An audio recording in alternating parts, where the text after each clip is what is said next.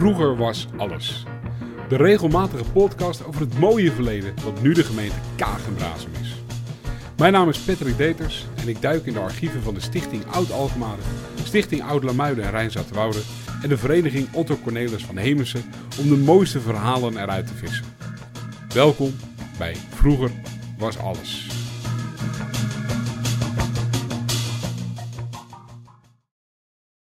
Het is nieuwjaarsdag 1893 en het is koud. De afgelopen dagen is het koud geweest en ook op deze 1 januari ligt er nog steeds sneeuw op de weg van Ter Aar naar Rijnzaterwoude, de Woudse dijk. Op deze 1 januari van 1893 loopt daar Gerrit Matthijs Langhout. Hij is in het dagelijks leven schipper, maar op zondagen en feestdagen loopt hij van Ter Aar naar Rijnzaterwoude om daar in de Woudse Dom te spelen op het orgel. Toch gaat hij dit jaar de Woudse Dom niet halen. Want terwijl hij loopt, ziet hij naast de weg richting het bevroren water onder een laagje sneeuw een lijk. Een oudere vrouw ligt daar, gekleed in een zwart kort jasje, beter bekend als een jak, een zwart schoten rok en een paar schoenen. Maar wat hem de rest van zijn leven zou bijblijven, is het gezicht. Tenminste, voor zover er nog een gezicht op zat. Want het was één grote wond en het zat onder het bloed. De bovenlip was losgekomen van de kaak en de schedel was zo hard ingetrapt dat de rechter oogbol was gebarsten. Haar hoofd zat onder het bloed en aarde en de hoofdhuid was bijna geheel losgescheurd door het geweld dat op het hoofd was uitgeoefend. Verder zat ze onder de bloeduitstortingen, gebroken ribben, ontvelde knieën en dijen. Gerrit schrikt zich kapot. Hij draait zich om en zet het op een lopen richting Ter Aar. En daar meldt hij wat hij gevonden heeft aan Jacob Snijder, veldwachter in Ter Aar. En die haalt gelijk burgemeester Pieter van Schravendijk erbij, de burgervader van Ter Aar en Rijns de Woude. Het was in die tijd ook niet ongebruikelijk dat tot de taken van de burgemeester hoorde dat op het moment dat er een geweldsmisdrijf was, dat je daarbij moest zijn. Maar ook die taak van burgemeester had hem niet voorbereid wat hij vond op de Woudse dijk om kwart voor negen op deze nieuwjaarsdag. Het totaal vervromfraaide lichaam van een half bedekt, half blote vrouw, die daar als verschrikking lag van wat er die nacht gebeurd moest zijn. En op pad vonden de veldwachter en de meezoekende burgemeester allemaal attributen. Ehm, ze hebben daar een lijst van gemaakt. Een vrouwenzak met daarin twee stukken doeken, een muts, een zakdoek, een portemonnee met daarin drie knopen, een pijperoe, klosje garen, een leren tas met daarin een aardappelschilmesje, een zak om groene bonen mee te vervoeren, een naaldkoker drinkkopjes en stukken brood en alles was onder het bloed. En talrijke bloedsporen in de witte sneeuw. Waarschijnlijk is ze in de nacht uiteindelijk overleden door onderkoeling, mocht de mishandeling de klus al niet geklaard hebben. Naast de veldwachter van Ter Aar was ook inmiddels Rijksveldwachter J. van Raas erbij gekomen. En beide veldwachters kregen de opdracht om te gaan kijken naar de bedelaarslogementen aan Polmot en Oude Wetering. Uh, Polmot kennen we eigenlijk niet meer, maar dat was vroeger een buurtschap wat in de polder van Aarlanderveen heeft gelegen.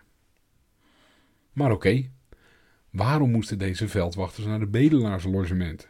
Nou, omdat inmiddels wel bekend was wie de vrouw in kwestie was, namelijk Elisabeth van de Kooi, maar in de volksmond beter bekend als Zwarte Bed. Ondertussen kwamen ook de geruchten binnen van een aantal kroegen waar een man was gezien die met zijn handen onder het bloed aan het wassen was. De oudejaarsnacht was, rond, was die man gezien rond acht uur in de herberg van Maarschalks, waar een man van middelmatige lengte met bloed aan zijn handen was verschenen. hij vertelde dat hij had gevochten, op leven en dood onder Poelmot. Hij had zelfs nog 4,5 cent gegeven om zijn handen te mogen wassen. Later op de avond viel hij ook al op omdat hij liep te zwalken, in de herberg van Zuidervaat in Rijnstaterwoude. Hij liep alsof hij dronken was en droeg een lichte met bloed besmeurde broek. Kastelein Zuidervaart bevestigde dat. Hij, hij, vertelde dat de man ook nog twee glazen bier had gedronken. Daarna heeft hij koffie gehad omdat de man al genoeg op had. Uiteindelijk is de man de deur gewezen vanwege het veelvuldig vloeken. En toen hij daar geen gehoor aan gaf, is hij met kop en kont beetgepakt en de deur uitgesmeten, waarna hij in noordelijke richting vertrok. De naam van deze man was ook redelijk snel gevonden. Daarover hier namelijk Adrianus Willemsen, beter bekend in de wijde omgeving als Jan de Zwabber, de vriend en partner van Zwarte Bed. Jan was bedelaar, net als Bed, maar hij was ook reizend koopman. Hij had een donker uiterlijk, geluipend uitzicht, donkere ringbaard, middelmatige lengte en met het gebogen hoofd lopend.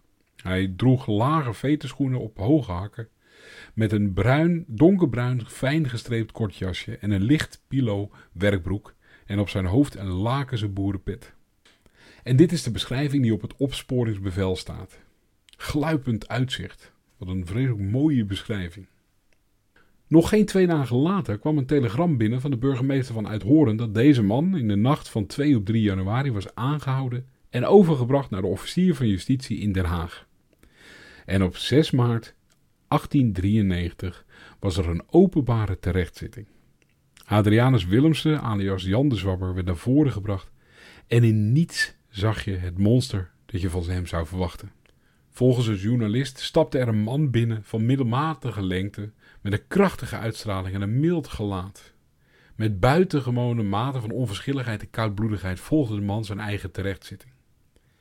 Menig maan werd hem ook gevraagd of hij de moord gepleegd had en keer op keer bleef hij ontkennen. Het enige wat hij wilde zeggen is dat ze onderweg woorden hadden gekregen en toen heb ik haar een paar klappen en schoppen gegeven. Toch kunnen we dag aardig terugleiden door de getuigenissen. Kijk, Jan de Zwabber en Zwarte Bed hebben elkaar jaren geleden leren kennen. Ze naderden beide de leeftijd van 50 jaar en hadden afgesproken om samen lief en leed te delen. Zwarte Bed was getrouwd voor de wet, maar had haar man verlaten om met Jan de Zwabber door het land te trekken. Ze is in die tijd ook aardig aan de drank verslaafd geraakt en kon niet meer zonder. En Jan de Zwabber kon er ook wat van en op momenten dat ze bijna een stevige slok op hadden, vonden de meest walgelijke tonelen plaats.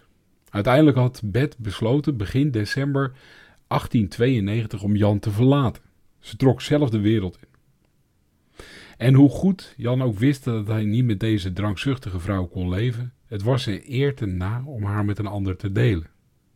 Langzaam ontspon zich een heel naar plan in het dronken en donkere krochten van zijn benevelde brein. Op oudejaarsavond hadden ze nog één keer afgesproken. Ze zouden elkaar treffen bij Grietpost, een verzamelplaatsen van landlopers in de Haarlemmermeer. Maar ze kwamen elkaar al tegen onder Rijnzaterwoude en besloten, besloten samen alvast wat herbergen te bezoeken om in te drinken. Onderweg waren ze nog een koopman, Jan van der Molen, tegengekomen. Hij kende beide personen en hij vertelt in een getuigenis dat hij ze in een vrolijke bui was tegengekomen tussen Poelmot en Langeraar. Hoe gaat het met jou? had Jan geroepen. Ja, goed, zwabber, was er teruggekomen. En Jan kwam zelfs met een sigaar op de proppen en bood hem aan. En Van der Molen, ja, die heeft hem opgestoken. Beiden hadden zeker weten al wel een borrel op, maar ze waren nog niet echt dronken. Een zwarte bed stond erbij, zei niet veel. Toch kende Van der Molen haar wel. Ze had hem de vorige dag in een herberg van Kromhout in Poelmot nog postpapier verkocht voor 17 cent. Kastelein van der Laan uit Langeraar kwam naar voren. Hij had een herberg aan het begin van de Woudse Dijk en aan het begin van die avond, tussen zes uur en half zeven, kwamen daar beide volgens hem binnen. Ze waren een beetje dronken, stonden nog redelijk vast op de benen en ze waren zeker nog in staat om bier te bestellen. Twee glazen dronken ze daar. Al werd Jan de Zwabber de een opvolgende borrel geweigerd omdat hij al genoeg op had. En Bet en Jan hadden stevige woorden en de kastelein hoorde Jan zeggen: Ja, je wil niet anders dan drank. Je was het waard dat ik je onder het ijs duwde en dat ik je vakant maakte. En hij ging door met: Je bent een gemeen wijf. En Bet liet zich dat niet zeggen, maar voor de kastelein was het volkomen onverstaanbaar wat ze terug zei. Maar hij begreep wel door de toon dat ze hem verrot schold.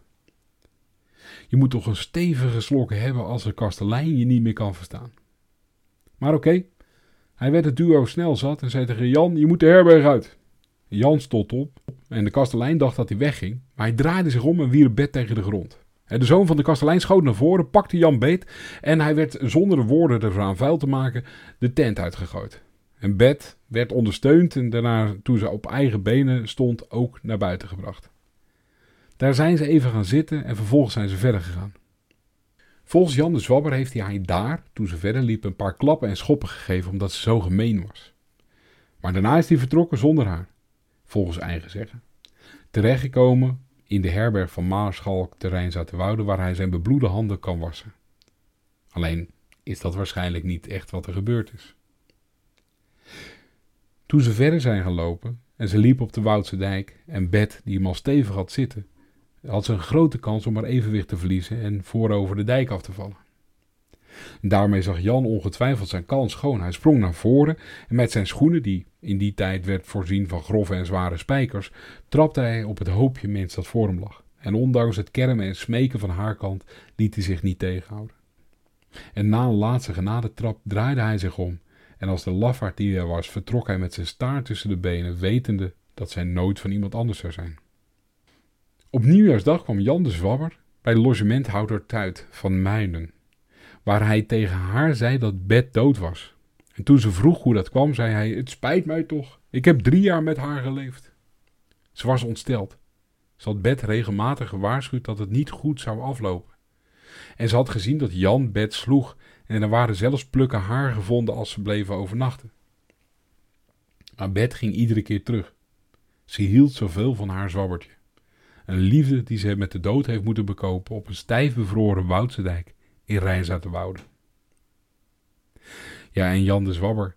Het is hem nog een aantal keren gevraagd of hij het gedaan had en hij wilde zelf niks over zeggen. Hij ontkende en toen hem voor de derde maal werd gevraagd of hij nog iets ten eigen verdediging wilde zeggen, antwoordde hij ijskoud en onverschillig. Nee, meneer, wat zal ik nog zeggen? Uiteindelijk kreeg hij tien jaar gevangenisstraf voor mishandeling met dodelijk gevolg. Vind je het leuk om meer verhalen zoals deze te horen? Abonneer je dan op de podcast. Dat kan via iTunes, Google of via de website www.vroegerwasalles.nl. Op die laatste website vind je ook links naar de historische stichtingen en vereniging en alles wat je nog meer zou willen weten over de live voorstellingen. Wil je de podcast helpen? Word dan lid van een van de historische stichtingen of vereniging, want daarmee zorgen zij dat deze mooie geschiedenis blijft bestaan. Graag tot de volgende. Vroeger was alles.